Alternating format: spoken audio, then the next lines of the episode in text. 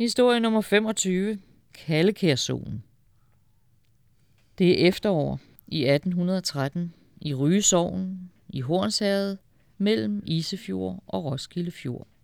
Sine Jensdatter fra Jenslev og Lars Nielsen fra Ryge skal indgå ægteskab, og på begge gårde er der gjort stor ståhej med bryllupsforberedelserne. De unge mennesker glæder sig til hvilsen, som skal forestås i Ryge Kirke. Der er der også en vis nervøsitet til stede i begge familier. For festen skal traditionen tro holdes i Jenslev i brudens hjem, mens det unge par efterfølgende skal gå på Lauses fædrene gård.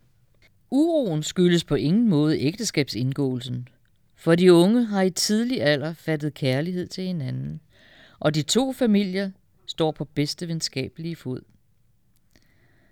Nej, nervøsiteten skyldes, at to gange inden for få dage skal brudeparet passere stenkisten under vejen Ryge Jenslev, lige hvor vejen drejer fra til Kirke Hyllinge.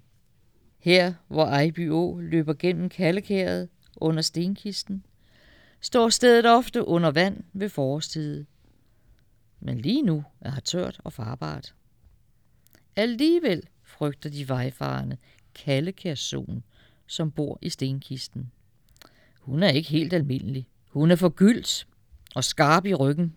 Hun viser sig især i fuldmånenætter, eller i rigtig brandmørke, hvor hun lyser som en ildstribe. Det er farligt at møde og se Kallekærsonen. Det betyder, at man går fra forstanden og bliver tovlig. og især brudepar skal tage sig i jagt. Hvis de træffer på hende, betyder det ulykke for livet.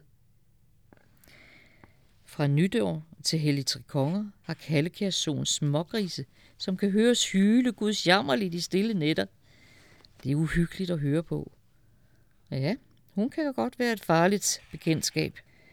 Risikoen for at støde på kaldekærsonen er grunden til Sines og Lauses frygt. Derfor skal brylluppet også være her i efteråret, hvor hun er nemmest at undgå. Heldigvis går alt lykkeligt for sig begge gange, og ægteskabet bliver lykkeligt. Overtro og gamle skrøner, ah, vær dog ikke for sikker. Så sent som i 1914 stod der respekt om Kalkærzonen. Der må være noget særligt ved grise, og to fortællinger beretter især om søer med smågrise.